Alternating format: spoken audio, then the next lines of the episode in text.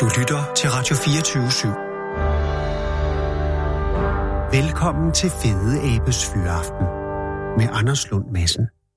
Kære lytter, vi sidder øh, i Mols Laboratorier. Det er den 27. Jeg tror nok, at lytterne er klar over, hvad dag det er. Øh, undskyld, kære lytter, vi har været i gang længe. Det er, øh, det er den her dag, vi sidder her, er det faktisk onsdag den 18. december, øh, hvor museumsinspektør... 19. Er det den 19. Åh, oh, gud, det er den 17. Jeg kan ikke det hele køre sammen. Det er også lige meget, hvornår det her er. Fordi lige nu sidder du og hører det her, kære lytter, det er den 27. Det er den 28. Undskyld, det er den 28. 12. Det er, Nej, det er faktisk kun den 27. Det er, hvis det er... Nej, det er den 24. 25. Det er den 27. Undskyld. I er ret. Det har været en lang dag. Kære lytter, det er den 27. 12. Det er torsdag. Øh, juleaften er en fjern erindring. Men den her rejse, vi er på i Fedhavsfyraften, startede faktisk juleaftensdag kl. 16.05, hvor museumsinstitutør ved Naturhistorisk Museum Aarhus, Morten D.D. Hansen, indledte sin nedtælling af Danmarks 40 fedeste dyr. Vi er nået til dyr nummer 12. Der er, har været en lille forsinkelse på den måde, at vi skulle være ved dyr nummer 10 nu. Det er ikke tilfældet. Men det gør det endnu mere spændende. For at gøre det her øh, fornuftsbærende for folk, der ikke har hørt de øvrige programmer, vil jeg godt lige fortælle listen, som den er. Og det er altså en liste over de 40 mest betydelige eller fedeste dyr øh, i Danmark, pt. Nummer 40, stallingen, en fisk. Nummer 39, majfluen, et insekt. Nummer 38, ål, det siger sig selv. Nummer 37, isfugl, det siger også sig selv. Nummer 36, rød glente, rovfugl. Nummer 35, jernspurv, stadig uden H. Nummer 34, fjeldvågen. Nummer 33, riba, ribra, ribragensa germanica. Har vi fundet mandel i næsten? Ritrogena germanica. Jeg har fået mandel i næsen. Det kan være, at vi ikke får de sidste 12 dyr, fordi hvis, hvis du ikke får den mandel ud. Ribrage, ritra, Ritrogena. det er en døgnflue for Ja, helvede. er. Den lever nede ved Vejle. Den er Ja. meget sjælden. 32 stæren. 31 fiskeørn. 30 sort stork. 39 admiral sommerfuglen. 8, 29 admiral. 28 svigerfluer. Dobbeltbåndet svigerflue. 27 grøn sandspringer. Et insekt. Det er en bille. 26 markfyrben, 25 hugorm, 24 lærkefald, 23 den lille skrigeørn, 22 rødrynket... det lyder som en kønssygdom. Rødrykket tornskader. 21 vortebideren, tal lige om endnu en kønssygdom. Øh, det er en græshoppe. Man siger simpelthen, at man sagde, at den kunne bide Ja, vorter af. ja, det kommer. Det tror jeg, man skulle være nede i kæret for at kunne få gjort. Nummer 20, nordlig fuglederkop. 19, mariehønederkop. 18, orange vægmejer, indvandret i 87. 17, mosskorpion. 16, sneloppe. 15, humlerovbile. 14, månetorbist. En usandsynlig smuk øh, gødningsbille. Nummer 13, mursejler. Fuglen, ja. der flyver hurtigere end nogen anden fugl. Nu er vi altså ved tærskelen til de 12 fedeste dyr. Og Morten D.D., hvad ja. er nummer 12? Fordi det er nu, du skal veje dine ord. Ja, det kan jeg, og jeg, og jeg, jeg sidder også og er lidt nervøs Du nu, ærger dig lidt over, at du læste den røde glente ind. Ja, det, Nej, den Vi er skal- du ikke. Men der er nogle af vi, de skal dyr, have, du vi skal have den ule, som i for 100 år siden var den mest almindelige ule i Danmark, Kirkuglen? nemlig. Nej. Vil du godt have den med? Jo, jeg vil meget gerne have. Jeg var bange for, at den ikke kom med. Og grunden til, at vi skal have den med, det er, at vi lige har snakket om lort. Mm-hmm. Fordi kirkeulen, der er jo mange, der tror, at sådan en, den lever af mus og alt muligt. Men, men kirkeulen er insektæder. Den spiser kirker. Det gør den i hvert fald. Nej, og den den, der er ynglet i kirker i hvert fald. Ja, Ja, ikke okay. også? Men altså, øhm, kirkeulen er jo, var i gang i, i gamle dage den mest almindelige ule i Danmark. I dag er det faktisk ved at være den sjældneste. Der er 10 par tilbage, alle sammen i Himmerland.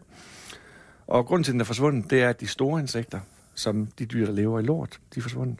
Fordi der ikke længere er lort, altså der er ikke så mange øh, husdyr på græs året igennem i vores natur. Og sådan en lort er jo netop koncentreret protein, og det vil sige, at den tiltrækker alle de her biller, men den tiltrækker også regnorm. Der er masser af regnorm under en lort. Ja. Og det nemmeste for en fugl, det er at finde mad i en lort. Fordi så ved den, altså den ved, hvor den skal lede efter maden. Det er lorten. Det er der, der er biler, det er der, der er regnorm. Det er det samme for storken. Hvide stork er jo forsvundet, fordi at, igen, der er ikke lort nogen steder i landskabet. Når en stork kommer til Danmark i sidste slutning af marts, så kigger den rundt for at lede efter koncentreret protein. Det kan den ikke finde, og flyver den sydpå igen. Øhm, så mangel på husdyr, altså mangel på dyr i landskabet, store dyr i landskabet, der laver lort året igennem, Ja. den er fatal for de her insektædende fugle. Øh, fugle som herfugl er forsvundet, ellekrave, øh, alle de store fugle, der lever af insekter, de er forsvundet fra landet. Hvad med pyrol?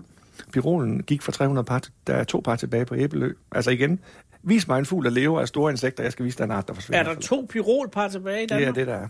Den gule fugl med de sorte vinger. Det var den, jeg så fugle i farver havde jeg jo. Ja, nemlig. Det politikforslag. jeg, hvor er du ikke den eneste. Altid sad jeg så på isfuglen og Ja, pyrolen. ja Ja. præcis. Ja. Det er meget Der flot. var fugl. 300 par piroler i Danmark i 1970. Hvor ligger Æbelø? Det er nord for Fyn. Hvorfor sidder de der?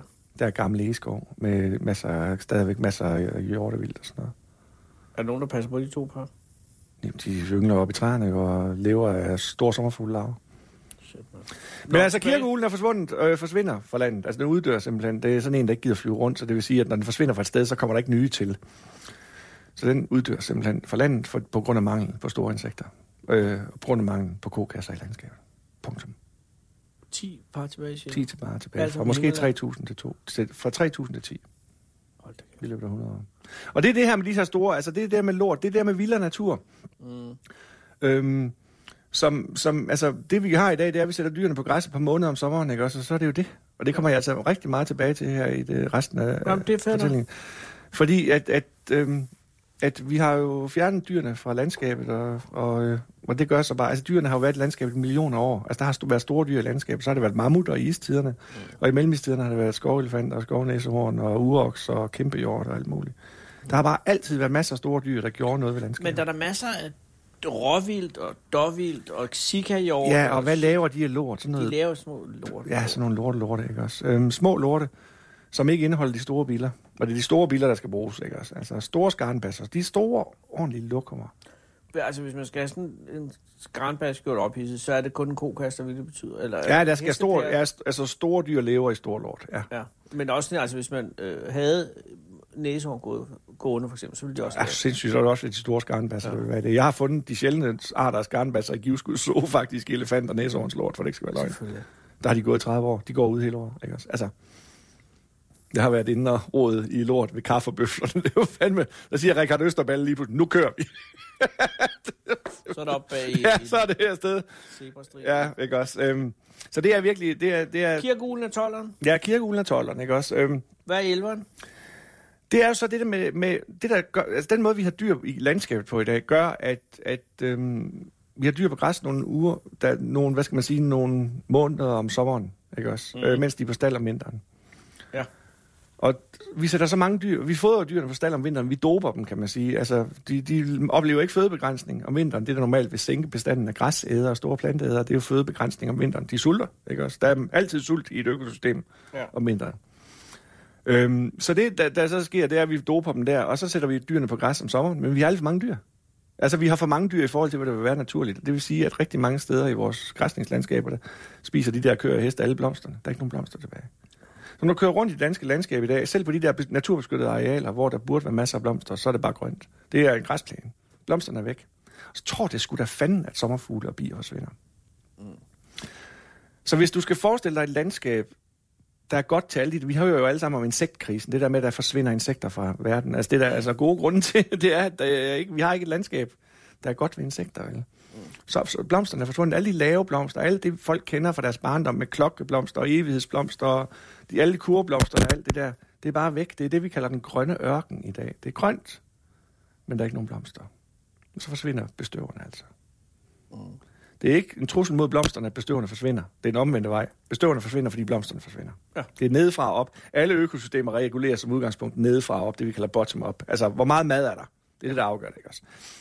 Så, øhm, så vi leder efter de der blomster, og når vi så finder blomsterne, så er det jo engang imellem stadigvæk. Når vi finder det, herude i Mols Laboratoriet har vi det, det kommer jeg tilbage til, tror jeg. Det må vi håbe, jeg gør. Øhm, der er stadigvæk blomster, og så er der stadigvæk bier, og der er sommerfugle. Mm-hmm. Og en af de bier, jeg først lærte at kende, det er en bi, der hedder blåhat jordbi. Mm. Lyserøde pollen i bukserne. Blåhat jordbi er en fantastisk bi. Det er det. Øh, og den er pissekredsen. Det eneste, den vil have i hele verden, er pollen og fodre sine larver med. Pollen, det er proteinholdigt. Det er det på planten, der er proteinholdigt. Øh, selve bien æder sukker, altså nektar. Det er sukkervand. Det er jo juice, kan man sige. Men pollen, det indeholder protein. Øh, så det er det, den fodrer sine larver med. Og det eneste i hele verden, der vil fodre sine larver med, det er blåhat. Øh, det er simpelthen pollen af blåhat. Som er en plante. Som er en blomst. Det er simpelthen blåhat af en blomst.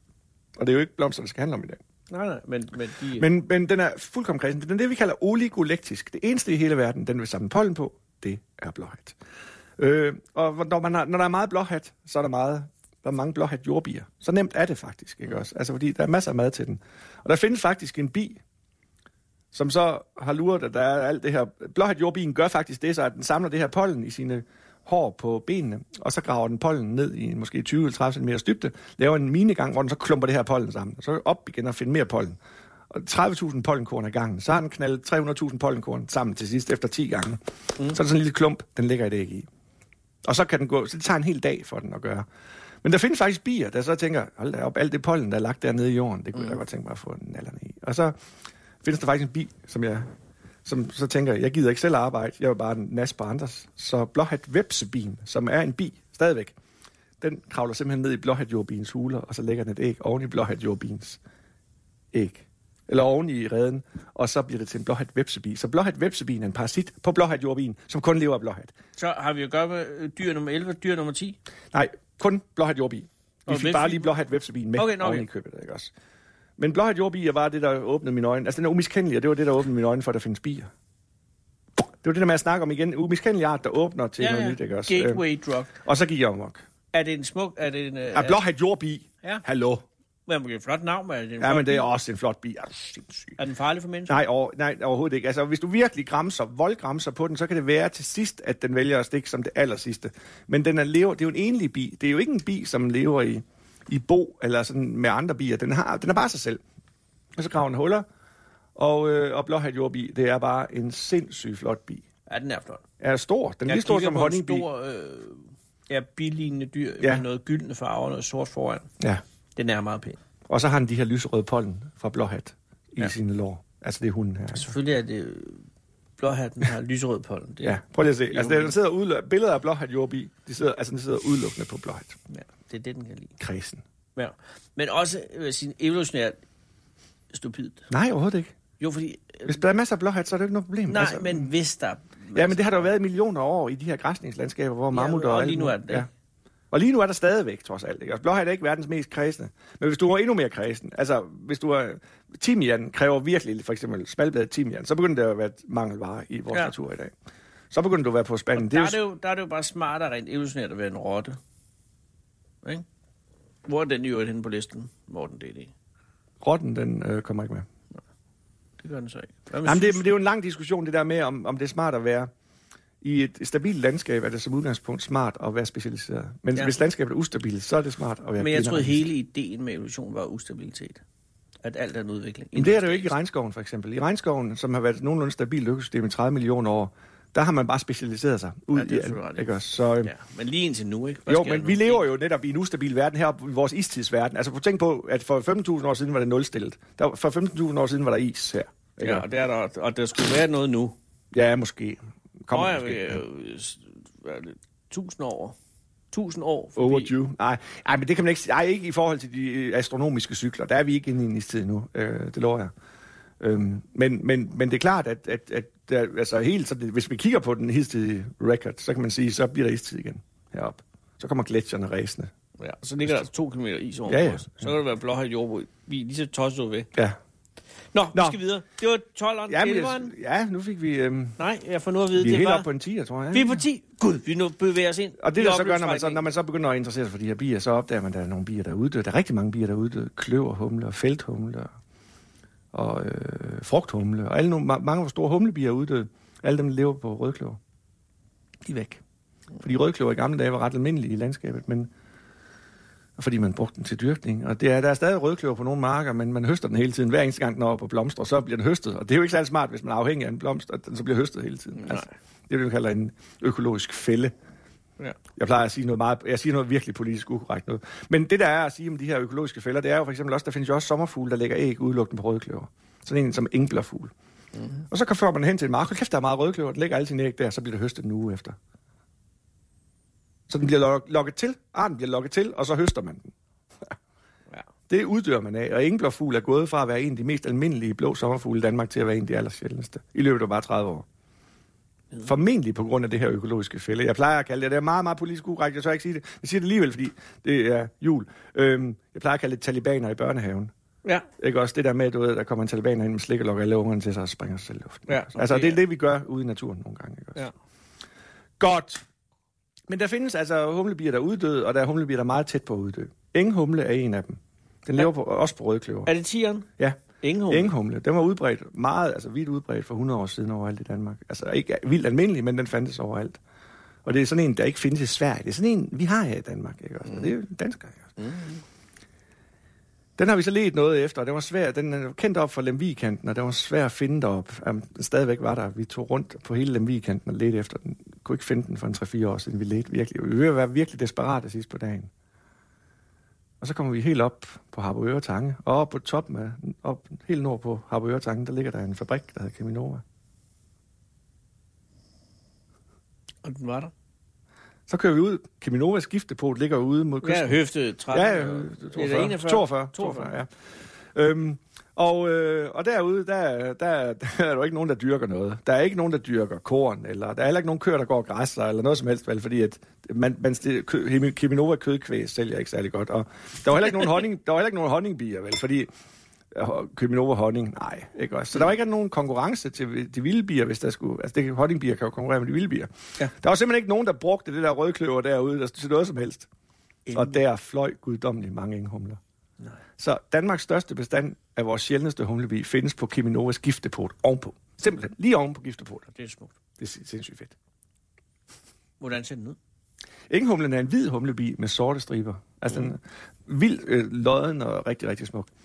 Ja, det er bare historien om, at det er altså ikke nødvendigvis atomkraft, for eksempel. Altså, Tjernobyl er jo et andet eksempel på det der med, at, Ja, at, at Pripyat er Ja, ja, fantastisk, ikke også? Og vi overvejer der stærkt at tage det over nu, ikke også? Øhm, men det er jo det der med, det er simpelthen ikke det, der er truslen.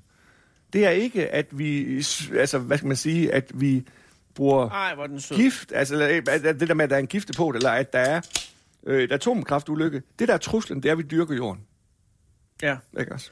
Jamen, jeg har lige gået rundt i et par dage over i, øh, nede ved øh, Jules Minde. Ja, Og så når man kigger ud på de der tilsåede marker, Ja. det, er, det er, der er ikke meget at komme efter. nej, der er helt tomt.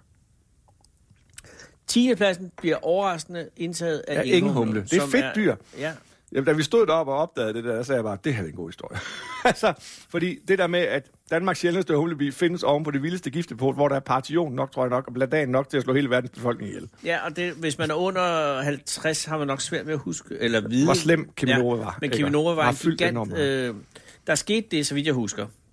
Cheminova var offentligt, ikke? Det er Aarhus Universitets Ja. ja. Forskningsfond, der ejede det. Ja. ja. Og så tænkte man, vi havde, de havde nogle giftdepoter, øh, depoter, ja, ja.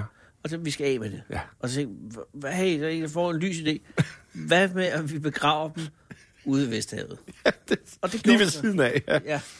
Og så, så graver man ned ude ved øh, de der to høfter, som er Ja. sådan nogle øh, kystsikringstjenester. Og så ved jeg ikke, hvor lang tid de lå der. Men de lå der ikke så langt, Ja. ja. for så begyndte satan øh, at, at lægge jo. ja, det er det. Og det var virkelig alvorlige Ja. miljøgifter. Ja. Som Ja. sagt, så, eller som lige sagde, at der var gift nok til at dræbe hele jordens befolkning. Ja, ja. Og, og det blev en ret stor skandale. ja. Det snakkede Det er ligesom meget. Grindstedværket længere nede, jo ikke også af For kysten. helvede. Nå, men øh, der lever den. Det er simpelthen der Danmarks største bestand af den sjældneste humlebi findes. Er den farlig for mennesker? Nej, humlebi, nej, nej. Jamen, men det jeg er jo vil sådan nogle små bord, der er meget, meget fredelige. Altså, Og den er truet.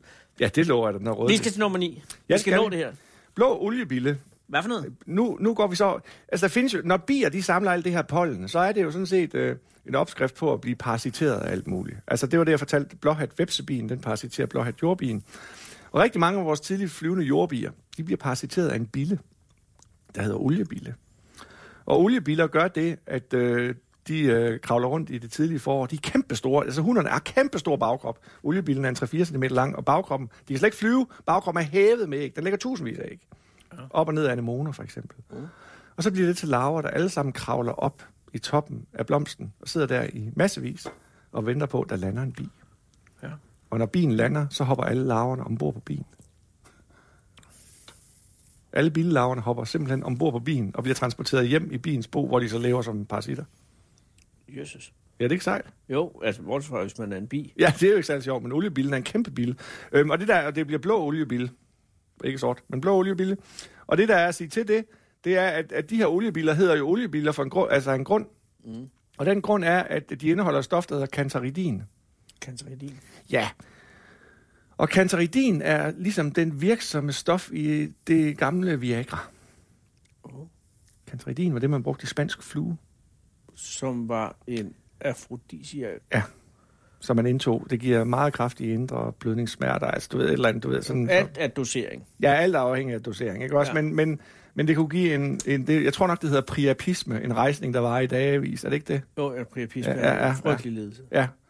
Øhm, så, så, så hvis man æder den her, så, øh, så, så er det det. Blå oliebille. Ja. Ja, det er ikke fedt. Sort oliebiler og blå oliebiler her, de ligner hinanden meget, ikke også? Men det er sådan nogle kæmpe store bagkroppe her. Kæft historie. Ja. Hvorfor vælger du sort oliebille fra? Jeg valgte faktisk blå, Ja, hvorfor vælger du sort bille fra? Oliebille fra. fordi at blå oliebiler er blå og pænere. Mm. Det er ren æstetik. Ja, det er fair nok. Og blå oliebiler er mere udbredt, faktisk. Så det er faktisk en, folk har størst sandsynlighed for at se i skovbunden om foråret. Er den farlig for mennesker? Overhovedet ikke, altså mindre du æder den. Hvad skal jeg sige? Ja, du kan tage din, får du galore. Men kan jeg få erektion? Eller Ja, det lover jeg dig, du kan. Ja, er du sindssygt. Det vil jeg simpelthen ikke turde. Nej, nej, det skal Der jeg bliver stille der, hva'? Nej, nej, der er jeg lige nogen, der tænker- tænker, Jamen, jeg tænker, hvordan kan det... Altså, øh, en bille? jeg tror, jeg er rig- det er rigeligt, du. Hold da kæft. Ja, okay, det er nok til 9. plads. Ja, 8. jeg plads? synes du ikke, det var Jo, jo, blå oliebille. Nå, Men vi har biler på 10 og biler på 9. nej, det har vi i hvert fald ikke, fordi vi har lige haft en enghumle. Mm. Øhm, Ved du, det vil jeg vel se på aftenen. Jeg er klar. der skete der jo det i øh, 2012, at der dukkede dyr op i ty. Åh, oh, Gud. Og det var så sjovt, fordi at, at vi har jo snakket om mange år, at, at, at, at ulven var indvandret fra, øhm, fra Polen og ind i Østtyskland, og, og så blev der set ulv på Lüneburger Heide omkring 2005-6 stykker, og man tænkte, ja, nu nærmer de sig, men det tager sikkert mange år. Og så lige pludselig bare ulv i Danmark, altså, Ja. ja. bum. Fordi de krapyler, de vader hundredvis af kilometer i løbet af en uge, altså, det er bare ingenting, vel, at være Og det, jeg siger om ulven, er jo bare, at det er et rovdyr, men det er bare en skide hund. Altså, det er jo bare, en, det er bare et rovdyr. Ja. Der er jo ikke noget som helst unikt ved ulven i virkeligheden. Altså, rovdyr, der, der æder krondyr, æder får, og som udgangspunkt ikke æder mennesker. og, og den kom tilbage til Danmark, og vi havde slet ikke plads til den inde i vores hoveder. Nej. Det var meget sjovt at se, hvor, hvor, hvor hurtigt det egentlig gik fra. Altså, der var en indledende begejstring, var der jo mange steder over, at, at altså, ulven er jo en historie om naturens tilbagekomst. Og der er jo også kun to kontinenter i verden, hvor de store dyr faktisk går frem. Altså store dyr, der kræver plads, og kræver, at man bare lader være med at bekæmpe dem. Og det er jo Europa, og det er Nordamerika.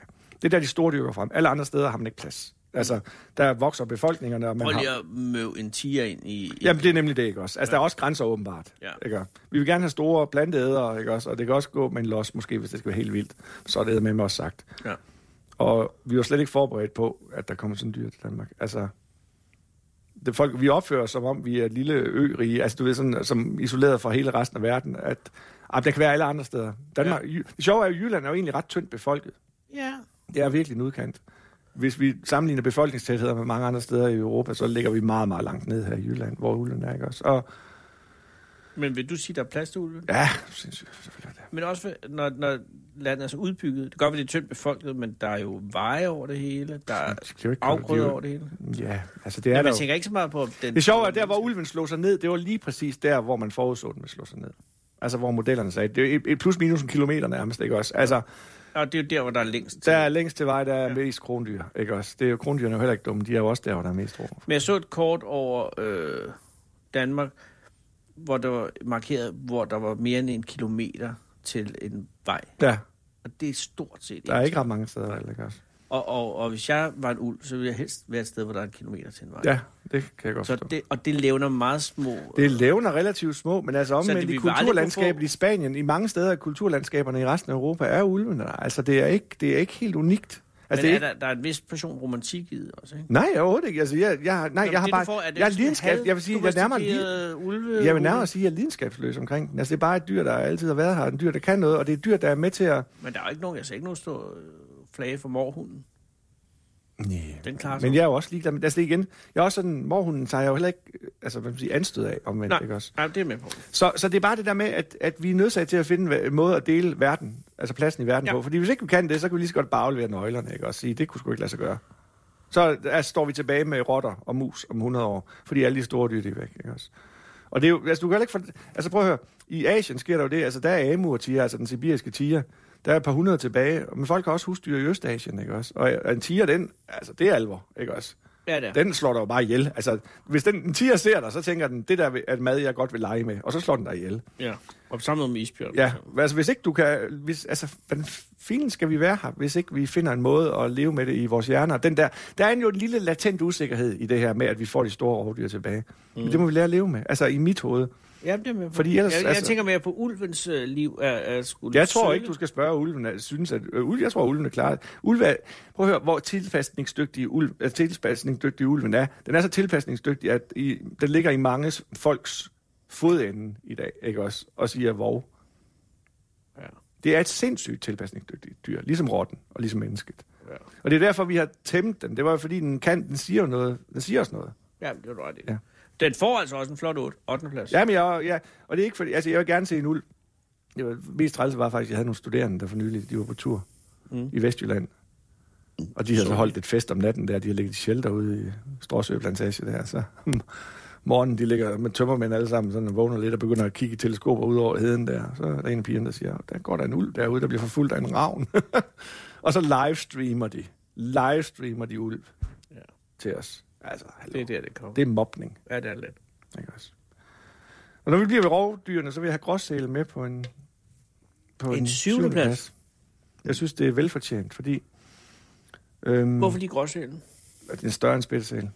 Ja. Og, og gråsælen var ved at være Ja. udryddet i Danmark, ikke også? Altså, gråsælen havde det skidt, og er jo væltet tilbage. En stort rovdyr, det var vores største rovdyr. Altså, sammenligne vægten på en velvoksen gråsæl med en ulv, ikke også? Så vejer gråsælen otte gange mere, ikke også? Det er Ja. meget fucker dyr. Ja. Og den har bare spredt sig rigtig meget. Det er selvfølgelig upraktisk, igen, den kan godt lide fisk, ligesom så meget den kan, ikke også? Ja. Øhm, For vi konkurrerer hele tiden med, altså naturen er upraktisk, det er det, vi skal erkende. Frem for at gå og tro, at naturen er penge værd for os, og at den i virkeligheden er vores livsforsikring og altid, så må vi bare erkende, at det, er, det koster. Altså, hvis du vil have rig natur, så er du nødt til at give afkald på noget. Du er nødt til at give plads fra dig. Mm. Og det har været en sindssygt vigtig erkendelse for mig de sidste år. Jeg har også gået og været sådan en gartner for vor herre i gamle dage, som dyrkede lidt så dyrkede vi den her plante, altså strengt taget herude. Nu vil vi gerne have mere blåhat, eller vi vil gerne have mere djævelsbid, og så skulle vi gøre nogle bestemte ting og sådan noget. Det der med at slippe kontrollen har været en, en transformation for mig. Det der med at sige, at den, naturen må klare sig selv, og at, at vi er nødt til at give den plads til at være sig selv. Ikke også? Og der er gråsælen godt, en god eksponent for det der med, at Jamen, den er pisse upraktisk, men den koster jo også, den koster også ikke livet, vel? Altså, det er jo ikke, på, det er jo ikke enten eller. Nej. Vel? Er gråsælen farlig for mennesker? Nej, overhovedet ikke. Den er bare stor og ned over vores fisk. Øh, Altså, de fisk, vi gerne vil have fanget, ikke også? Og, øh, hvor stor er den? Sådan 500 kilo? 400? Ah, 300, tror jeg, 300. sådan en stor gråsæl bamse der, den er, ikke også? Øhm, så øhm, Fandme også rigeligt, 300 kilo.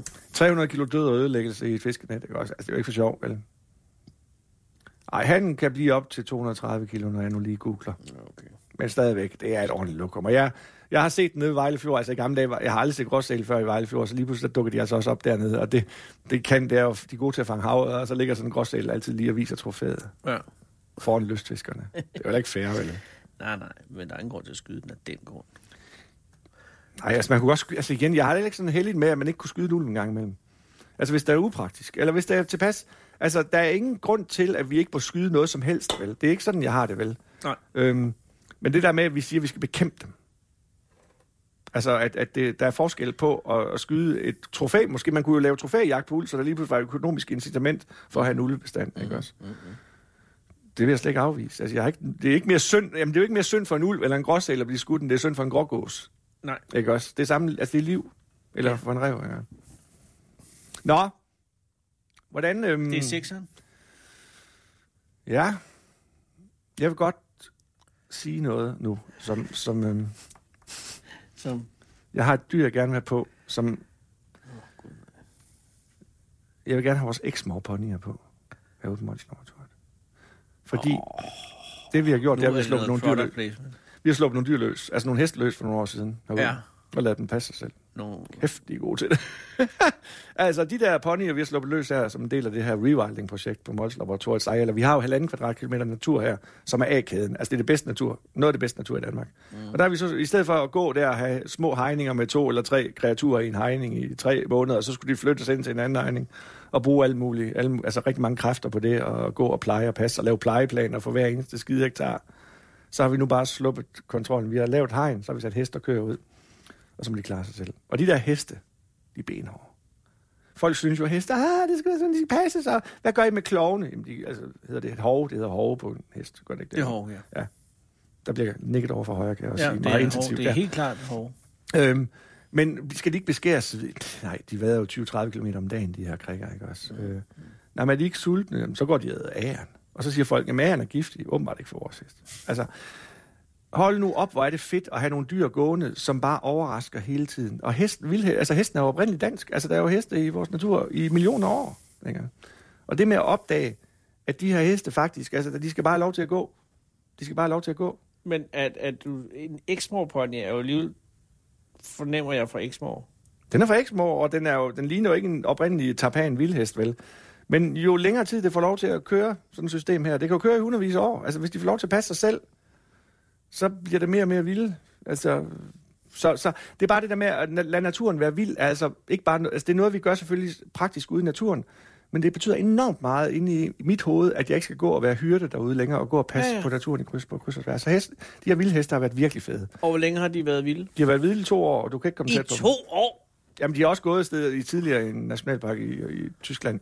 Men jeg siger dig, det er vildt. Altså det med at opleve, hvordan de opfører sig, og Ja. hvordan flokstruktur ændrer sig, og hvordan hængstene begynder at lave dynger, og alle de der ting, som man bare havde glemt. Hvor mange øh, er der? Ja, de er gået fra at være 13 til at være øh, 27.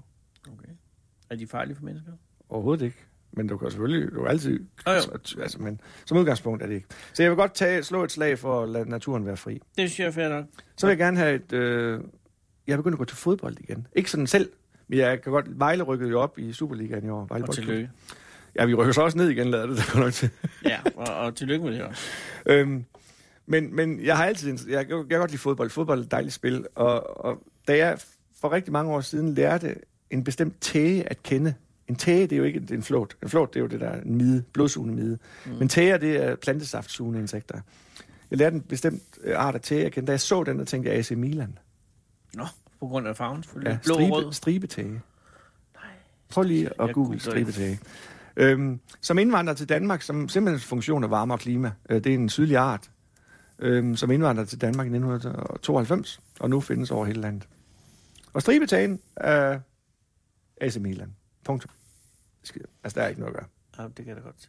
Øhm, så, så jeg, og der kæmper jeg altså virkelig for at få lov til at kalde den AC Milan tage, fordi at stribe til er et banalt navn at give til en, der er sort og rød stribe. Ja. Det gør. Altså, det kan, der har man ikke tænkt ud af boksen. Der Nej, man, det har set, man ikke man har i hvert fald ikke fået rødvin eller portvin. Nej, nej, nej, nej. Øhm, så, AC Milan er ny art, der, som kom til Danmark som, som resultat af klimaændringer. Og der kommer rigtig mange fede arter til Danmark. Som, Det er en af de næbmodende insekter, ikke? ja, ja, simpelthen med næbmund. Ja. Og, altså, vi har fået websæderkop, som er sort og gul. Fantastisk dyr. Kom også i 92, i den EM-sommeren 92, den varme sommer. Nå.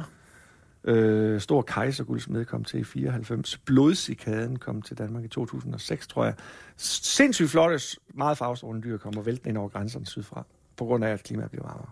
Hvornår kom øh, AC Milan til en? 92 også. Også i den glade sommer. Ja. Er den farlig for mennesker? Overhovedet ikke. Det signalerer jo et eller andet igen, den har de her advarselsfarver, så Men den er ikke giftig. overhovedet ikke, men den er sindssygt nem at kende. Altså det er simpelthen et af de alle, altså der er jo ikke andet, der ligner det, end, altså prøv sort og rød, altså det er AC Milan, punktum. Men hvorfor er man bange for tæger? Det er man da heller ikke. Det er flåter, man er bange for. Men man kaldte dem tæger i gamle dage. Ja, det gør man. Det er derfor. Sekten hedder det på tysk, jo. Mm. Det er derfor. Og det er bare, altså jeg, skovflåten kommer ikke på den her liste. Nej, det undrer mig lidt, fordi det er jo... Jeg har haft borreliose to gange. Har du? Jamen det er jo ikke... En gang, da jeg havde været nede ved lægen, jeg havde sådan udslæt på benene, og tænkte, hvad fanden er det? Jeg tænkte, er det en svampe? Eller hvad fanden er det? Ikke? Og så tager jeg ned til lægen, og så siger han, det der, det tror jeg er en flåt. Og, nej, jeg. det er det i hvert fald. Jeg må lade- Hallo, jeg er biolog, jeg ved godt, hvor jeg har flåt, og siden der, hvor jeg ikke har flåt. så går der en måneds tid, så står jeg og kigger på fuld dag, så lige pludselig kan jeg ikke bevæge min overkrop. Altså, jeg er fuldkommen stiv i overkrop. Wow. tænker, hvad fanden er det galt? Hvad er det virkelig, du ved, jeg, jeg er simpelthen så stiv, altså jeg kan intet. Og så kører jeg ned til lægen, han er ved at dø af grine. Biolog, ja, ja. jeg fik, blev hånet lidt der, men det var velfortjent. Men du kommer ikke til at hænge med din. Nej, det gør jeg ikke. Jeg fik penicillin den helt store tur, jo ikke også? Den er ikke på listen. Nej, den er ikke på listen. Men stribetæge var. Jeg ja. synes, det er fedt dyr. Og det, altså, det er et chefdyr. Det er umiskendeligt og bare helt fantastisk. Så. Og så er vi nede... Øh, Så har vi fire tilbage, du. vi har fire tilbage. Ja, Den er 20 minutter i. Vi kan godt nå det. det kan vi nemlig. Og der, sker, der, er jo, der er jo fugle. Nu har vi været langt væk fra fuglene et stykke tid, fordi insekterne har fyldt meget Ja, ja, ja, i mit ja. liv de sidste 20 år. Men, men der er nogle fugle, jeg sådan hvert efterår, åh, det vil jeg gerne se dem. Altså, der er virkelig også noget, det er virkelig nogle, jeg kæmper for. Og det er en trist skæbne. Fordi der findes nogle fugle ind- inde midt i Sibirien. Inde midt i Sibirien, sådan øst for Ural, på kanten af Ural og østpå. Ja. Som overvinter i Thailand og Indien og sådan nogle steder der. Men nogle af dem, de flyver, de tænker, den vej gider vi ikke flyve. Vi gider ikke flyve sydpå, de der 3-4.000 km sydpå, fra Ural og så mod sydøst. Mm. Vi tager den lange vej rundt om jorden. Rundt om jorden. Ja, vi tager den lange vej. den anden vej. Den pæne vej. Så mange af de her sibiriske sangfugle, de dukker op i Vesteuropa om efteråret på vej mod, altså den forkerte vej rundt om jorden. Grønland, hele vejen rundt. Gud. For at komme Ja, for at komme hvad? ja, til Thailand. Men igen, det virker ikke særligt. Nej, nej, men det er en lille, måske en fejl. Vi ved det faktisk ikke, og det kan også være, at det er noget helt andet, der er på spil. Men de dukker op hvert år, de her sibiriske sangfugle på vej, og de bliver truffet hele vejen ud i Atlanterhavet. Hvis der ligger sådan en trawler og trawler mellem Færøerne og Island, så sådan en aften eller nat der midt i september, så lander der mange af de her sibiriske sangfugle midt ude i Atlanterhavet. Wow. Og der var sket det for et par år siden, det er, at øhm, hvidbrynet løvsanger, Hvad for en? hvidbrynet løvsanger, det er, art, det er en art, jeg gerne har vil finde selv. Hvidbrynet Brynet løvsanger, Phyloscopus inornatus. Der sker det, at, at den er meget nem at kende på stemmen. Mm. Og, og der er nogle dage, hvor vi tænker, det er i dag, det skal være. Og inde i Nørres Nede, hvor jeg bor, der tænker jeg, ah, jeg vil gerne finde en derinde en dag. Det er svært. Man finder dem ude ved kysten, det der, de stopper op på trækket. Men inde midt i Jylland, er det ikke særlig nemt. Og så går jeg med ungerne en dag, og vi skal op på legepladsen, og så har jeg snakket lige med en kollega, fuglekiggerkollega og sagt, jeg vil lige gå og lytte, om der skulle være et bryn, som vi siger, yes. Og så lige pludselig hører jeg faktisk sådan en lyd der, jeg tænker, hvad fanden? Er det hvidbryn luftsanger, der siger, pssst, pssst, pssst. Jeg hørte bare én gang, og så er der samtidig en kirkegårdsgraver og trianer, der går rundt med noget maskinel og sådan noget, så jeg kan ikke høre, om det er den. Af... Nå, tænker jeg. Så går jeg hen og spiller playback. Det gør vi nogle gange, når vi skal lokke fugle til. Altså, eller lige høre, om de svarer. Så spiller man fuglens stemme, så svarer fuglen. Playback kalder vi det. Jeg sætter playback på, der er ikke nogen svar fra Hvidbryn Løvsanger. Så nå, vi går op på legepladsen, jeg sidder der, og tænker lige pludselig, det var da utroligt. Jeg ikke fik slukket min telefon, fordi der er der hele tiden den der playback-lyd af den der hvidbrynede løvsanger. Mm. Men, det er, min telefon er lukket. Mm. Der sidder en hvidbrun løvsanger og kalder inden midt i Nørres Nede på vej fra Sibirien ud i Atlanterhavet. Det er sgu tosset. Ja, det er vildt. Der var jeg meget glad, og vi har jo reglen det der med sjældne fugle giver is. Ungerne havde ikke hørt om hvidbryn løvsanger før. Det kom de til. Men øh, nej, hør hov, det var i forgårs, og der var det ikke sjældne fugle. Der var det øh, sort stork. Nej, hvad fanden var det? Der var noget helt andet derude. Fiskøren gav is Fiskøren også. Ja, men gav ok, is. der er masser, der giver is jo. Okay, sjældne fugle giver is. Ja, ja, helt sikkert, Åh, ja. Så det var en af dem, der udløste is efter frit valg, altså eget valg. Hvor sjældent er hvidbrynet? Altså, det var, den stod meget, meget højt på listen. Altså, den er ikke vildt sjældent i Danmark. Der er ting, der er sjældnere, men det for mig var det her en af de helt store priser, ikke? Og så vinde. Og det tjener den en fjerdeplads. Ja, jeg synes, det er dejligt. Det er en god fortælling, det der med, at de flyver. Jo, de, jeg, de, de, jamen også, de, de fortabte. Det er altså faktisk Hvor- en ja. trist historie, ikke også? Den har fortjent en plads højt op, fordi den taber. og det er, fordi den flyver den forkerte vej. Ja, de ender deres liv ude i Atlanterhavet. Når de dør. Ja, ja, hvad fanden skulle det? Der er jo ikke noget at leve af på Grønland om efteråret. Jamen, hvad fanden gør de så derude? Altså, hvad, hvad skal Jamen, de er, for? for, de, alle, det er unge fugle, der flyver den her vej. Det er kun unge fugle. Det er en fejl, man kun begår én gang, kan man sige. Så, øj. så en gang imellem er der en, der faktisk formår at overvintre på Azorerne eller eller andet, og så måske kommer tilbage, eller i Spanien. Altså, nogle af dem er heldige, Ja. og så prøver at vende tilbage. Men det er virkelig et masse mor. Og har man nogen som helst idé om, hvad, altså, hvordan de finder ud af at, at, at migrere? Altså, fugle fungerer på den måde, at, at de har sådan et internt program. Unge fugle har jo ikke prøvet, at, prøvet det før. De har retning og tidsramme. Så de ved, hvad den, hvad den retning, de skal flyve i, og det kan de formentlig sådan mærke på et eller andet med magnetfelt. Og, Men de, hvordan, de lærer det jo ikke af nogen. Nej, det er simpelthen det der med, at de kan mærke det på en eller anden måde. Men, men hvordan de mærker, det har vi ingen idé om. Nej, det er svært at spørge dem jo, ikke også? Du, Jo, kan, men du, tænker, men du, kan det se, også- du ved, hvilke metoder, altså de har, de kan se magnetfeltet, for eksempel. De har nogle stoffer i øjnene. Der Ja, men det er jo én ting. Og så til at begynde at sige, jeg skal afsted, og jeg ja, skal ja, men det er det, vi kalder migratory restlessness, eller Zugunruhe. Det er sådan tysker og englænder, der har forsket i det. Trækuro. De kan mærke, de skal et eller andet. Og så sydpå, nordpå. Og så flyv i 8 måneder, eller 7 måneder, eller et eller andet, ikke også? Altså, Og måske er det virkelig bare det, vi mennesker også har. Indimellem. ja, Migratory. ja, ja, det skulle da ikke undre nogen.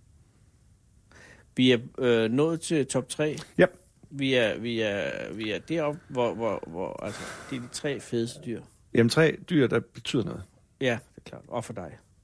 Ja, det er ligesom... Ja, det er jo ikke nødvendigvis for Nej, for herre for Dan. Det er helt sikkert ikke. Margrethe. Nej, og, og ikke ude i... Um, Og må jeg i den forbindelse øh, høre lige nu, inden vi går til top 3, Danmarks nationalfugl, knopsvanen. knopsvanen, er jo Vi har ikke- nævnt den, har vi ikke? Jo, vi har nævnt ja. ja. men, og det er måske også nok. Men, men den er ikke, er den at finde på top 3? Nej, det er den i hvert er fald den ikke. ikke. I, I vores program udnævnte vi på et tidspunkt øh, Ja, Viben, mener jeg. Jeg er faktisk lidt i tvivl om, det var Viben eller Lærken til nationalfugl. Det var Viben. Fordi at, at jeg synes, det der Paul Thomsen stunt, han kørte dengang, jeg tror, den, jeg vil ikke sige, at Paul Thomsen er snydt. Det ligger mig meget fjernt. Men jeg tror, den var givet den afstemning. Altså, det, det hørte jeg jo godt, ja. ja. Det var jo en skriv ind, skriv Ja. ind, hvis du vil have den her lortefugl, den her lortefugl, ja. eller knopsvagen. Ja. Og så blev det Love and Behold knopsvagen. Ja. Og jeg synes, hvis man skal have nationalfugl, så skal det være en fugl, der på en eller anden måde siger, det er vores land. Ja. Og hvis knopsvagen er vores land, så siger jeg, velbekomme. Ja. Man til satan. ja. Men den er jo fin, selvfølgelig. Den er stor og fed, ja. Og når den laver det der med vingerne, åh, gud Ja. ja. Men altså, Der er noget solsort over... Altså, dansk, vi kunne godt fortjene en solsort. Der Sagtens en og synger. solsort. Det der med den der februaraften, lækker lune februaraften, hvor de sidder og synger ja. første gang. Ja, dog, det er guddommeligt. er det? I øvrigt en fugl, der heller ikke har været på listen. Nej, og den kommer heller ikke. Øhm, jeg er glad for solsort, det må jeg sige. Ja. Ja. Øhm, og jeg kunne sagtens have proppet den på. Men, øhm, men, men jeg har lige øh, nogle vigtige historier. Øh, fordi Okay. de der insekter, Træeren, ja, insekterne har det skidt i det her land. Det er Ja. der, hvor det virkelig kniver. Ja. Altså, solsorten har det jo fint, ikke også? Jo. Insekterne har det rigtig skidt. Er en, den næste art, eller en af de næste arter, der uddør, det er rødlige perlemors sommerfugl. rødlig Perlemors perlemors Ja, sommerfugl. som i for bare for 30-40 år siden var vidt udbredt overalt i løvskovsområder i Danmark. Og i dag kun findes ganske få steder på Sjælland og Lolland og Falster. Og den forsvinder fra dem. Den ligger ikke på violer. Noget så banalt som violer i skovbunden. Ja. Men altså, vores skov bliver mørkere, og de gror til, og der er opvækst og opvækst og opvækst, og de der lysninger, som kommer efter skov, stormfald eller renafdrift, eller hvad man nu, de der skovlysninger, de er væk, og så forsvinder rødlig perlemor som er fuld, fordi den kræver meget varme på violerne i skovbunden. Så en af dem, der var almindelig, den uddør. Vi kan ikke gøre.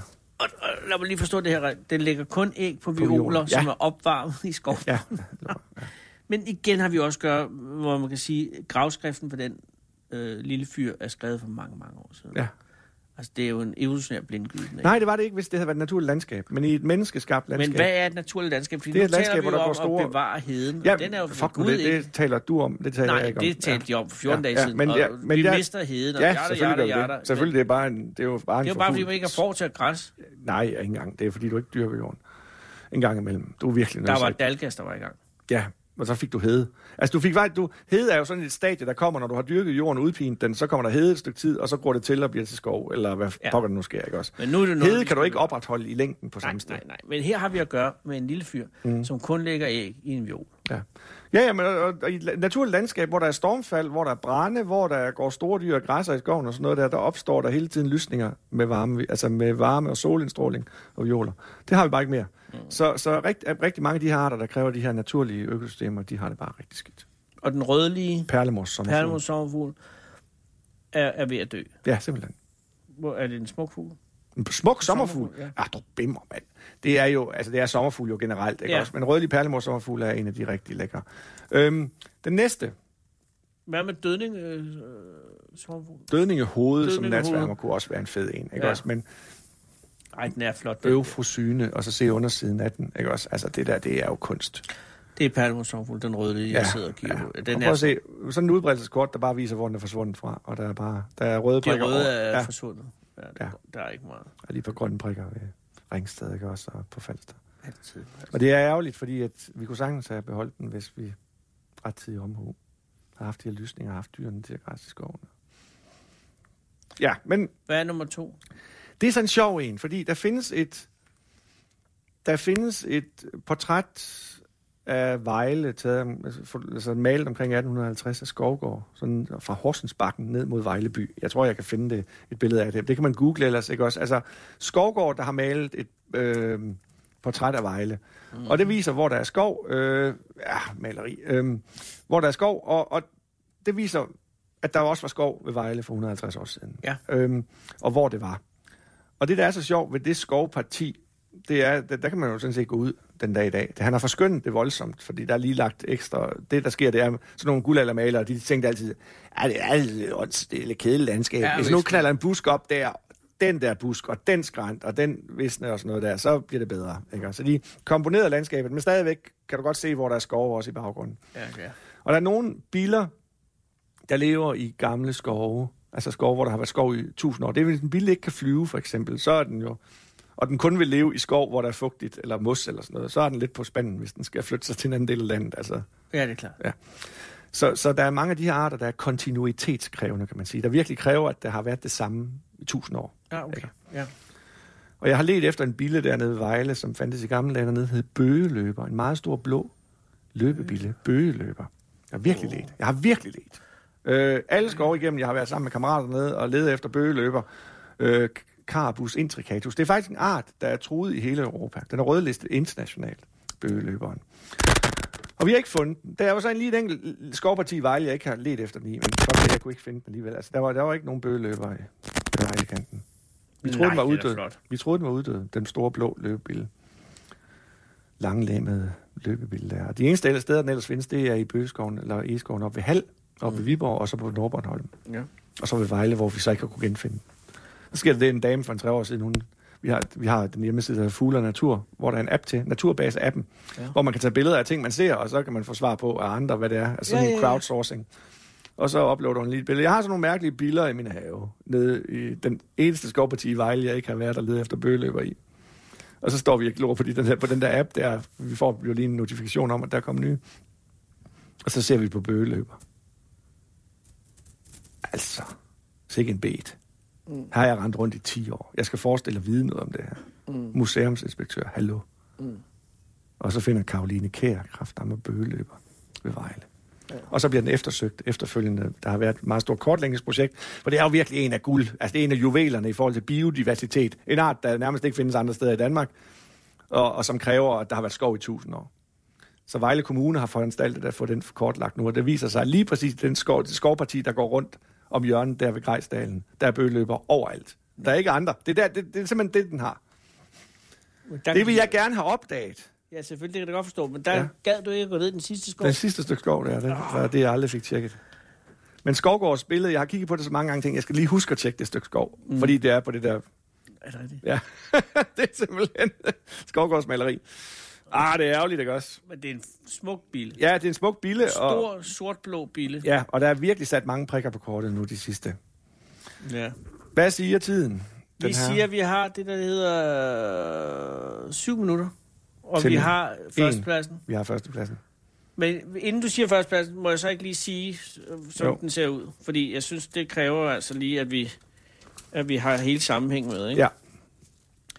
Stalling, majflue, ål, isfugl, rød glente, jernsbo, fjeldvåge, rib, Retrogena germanica. Retrogena germanica, døgnfluen, stær, fiskeørnen, sortstork, admiral, svigerflue, øh, dobbeltbåndet svigerflue, grøn sandspringer, markfjerben, hugorm, lærkefalk, lille skrigeørn, rødrykket tornskade, vortebideren, den nordlige fuglederkop, mariehønederkoppen, orange vægmejer, mosskorpion, sneloppen, humlerovbilen, månturbisten, mursejleren, kirkeulen, blåhat jordbilen, tidenpladsen, eng, enghumlen, ja. nå ja, 9. blåoliebilen, 8 ulven, 7 gråsælen, 6 eksmorponier, dark horse, der kommer ind der, 5'eren, stribet tæge, 4'eren, hvidbrynet løvsanger fra Sibirien, 3 rødlig perlemor sommerfugl, vi har mistet den snart, 2'eren, bøgeløberen, i det eneste stykke skov, du ikke undersøgte i Vejle. Og etteren er så Sådan en fugl. isvagefugle. Ja. Okay. Og vi er tilbage 25. maj 1988, 88, det er en telefon. da jeg ser min første vepsevåger. Vepsevåg. Ja, selvfølgelig. Jeg har Selvfølgelig. gemt den. jeg har gemt den, du. Det er simpelthen den fugl. Altså, jeg, jeg kan ikke leve uden. Altså, det er så vildt. Hvad er det med? På- den kommer flyvende fra Afrika. Øhm, øh, I store flokke faktisk. Øh, den overvinter i regnskoven, og så lever den heroppe i tre måneder om året, hvor den graver vepse op. Altså vepsebor op af jorden. Det er altså benhårdt, ikke også? Og det er fandme godt. Og den bliver angrebet af vepsene i tusindvis, og den er ligeglad. Den kan simpelthen modstå det. Den, de kan ikke stikke igennem dens tætte fjerdragt. Og så fodrer den ungerne øh, op på det, og så forlader den ungerne, og så må ungerne selv finde vej til Centralafrika. Og det der med at opleve de der sværme af vepsevåger. En ting er at se dem her i en ting er at se dem her øh, i Danmark, hvor vi kan opleve nogle flokke på op til måske du ved, 10-100, hvis det skal være helt vildt. Men du kan opleve det i Kaukasus, hvor vi på seks dage for et par år siden oplevede 300.000 vepsevåger komme hen over hovedet på os. Lige hen over hovedet på os. Hold. I Batumi i Georgien. Det er det, vilde, altså det vildeste, jeg nogensinde har oplevet. Det var fuldkommen vildt. Altså, vi sad med tårer i øjnene. Vi har aldrig set noget lignende. Alle de rovfugle fra hele Rusland henover. Øhm, Og hvad adskiller vepsevågen fra alle andre? det er det, at, at den er så kompromilløs. Altså det der med, den er specialiseret, den lever af insekter, ikke også? Og det der med, at den trækker så langt. Det der med, at de voksne forlader ungerne. Og, og alle de der ting, som, altså den binder verden sammen for mig. Og det var den første rovfugl, jeg selv så på træk i 1988. Mm-hmm. 25. maj klokken halv 12. Det var vildt. Og det, er bare, det har bare forfulgt mig lige siden, det der med, at, at jeg kan simpelthen ikke, altså, hvis jeg ikke får min websvåger et år, så er det, altså, det går, det går sgu ikke. det gør det altså ikke. Det er, det er ildt. Ja. Og hvordan ser den ud? Den ligner musvåge, lidt mere stribet, tyndere hoved, tyndere næb. Øhm, Øhm, kunne du så ikke bare nøjes med en musvåge? nej, det kan jeg ikke. Vepsevågen fortæller en historie, som musvågen ikke gør. Det er jo de her arter, de er jo unikke for hver for sig, ikke også? Øhm, Mm. Og, og når man ser det i Batumi for eksempel, altså nede i Georgien, hvor man oplever, at verden hænger sammen på den måde, at alle de her fugle fra hele, øhm, fra hele Rusland, den yngler også derovre, så trækker de til Centralafrika, og det går i løbet af en uge. De bliver skudt på undervejs derovre, der bliver plukket løs, mens man sidder og kigger på dem. Mm. De bliver flået ned fra himlen. Men det der med, at der er så mange, altså det bliver bare blive ved. Flokke på 5.000 af de her overfugle, der bare kommer ind. Det er, Danmarks fedeste dyr. Ja, det er det ubetinget. Jeg kan Vepsevågen. ja, vepsevågen. Tænk sig at bare æde vepse. Altså, Jamen, jeg er med på den. ja. Du kan vælge, vælge alt muligt andet, der ikke slår fra sig. Vepse, de gør alt, hvad de kan for at slå dig ihjel. Det er et fantastisk dyr. Det er et sindssygt dyr. Og de kommer den 10. maj. Kommer de første. Omkring 20. maj, der kulminerer det. 14 dage efter det er slut, så er de alle sammen på vej nordpå. Nogle af dem yngler i Danmark, og så tre måneder senere, så er de alle sammen trukket sydpå igen. Så lige nu er de i Centralafrika. De er i Centralafrika nu. Nogle af dem med satellitsendere på, hvor du kan følge dem rundt i regnskoven. Og øh, hvis, hvis vi skal se dem, så skal vi vente til 10. maj. 10. maj, så begynder de, og der omkring 20. maj, der kulminerer det. Tag til Skagen sådan en dag, der er 20. maj, så er der altid vepsevår i massevis. På vej ud over Kattegat, på vej mod Sverige. Det var derfor, jeg pirkede fra naturmødet. Jeg tog hjem. Det er rigtigt, du skrev sgu da. Jeg skrevet midt i det hele. Jeg skulle hjem og se vepsevår. Jeg kunne simpelthen ikke, jeg kunne ikke være Nå, der. men det kan jeg godt forstå. Man skal, hvad man skal. Ja, det skal man. Så er vi altså igennem. Det er det, vi er. De 40 fedeste dyr. Subjektivt udvalgt. Ja, Men ja. det var også meningen. Et lille hjertesuk. Der bliver ikke plads til syvsoveren. Nej. Den er også sød Jeg har et hus i Sverige, som er habitat for syvsoveren. for Hasselmusen. Ja. Og der var en dame fra kommunen ude, Mm-hmm. og hun var meget rørt. Det er også et fint dyr. Den vil jeg. Den kom ikke på listen. Den kom ikke på listen, Den sådan, kom ikke på din liste. Nej.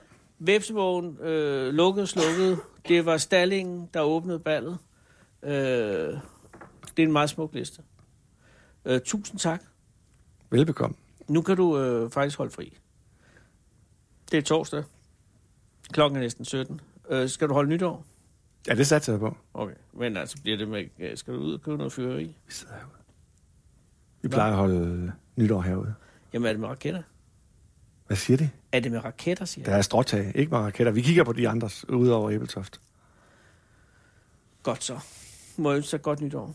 I lige måde, og på øh, Radio 24 vegne, tak for din liste. Velbekomme. Nu øh, vender vi tilbage til nyhederne. Mander, det har været en god dag. Klokken 17. Du lytter til Radio 24 /7.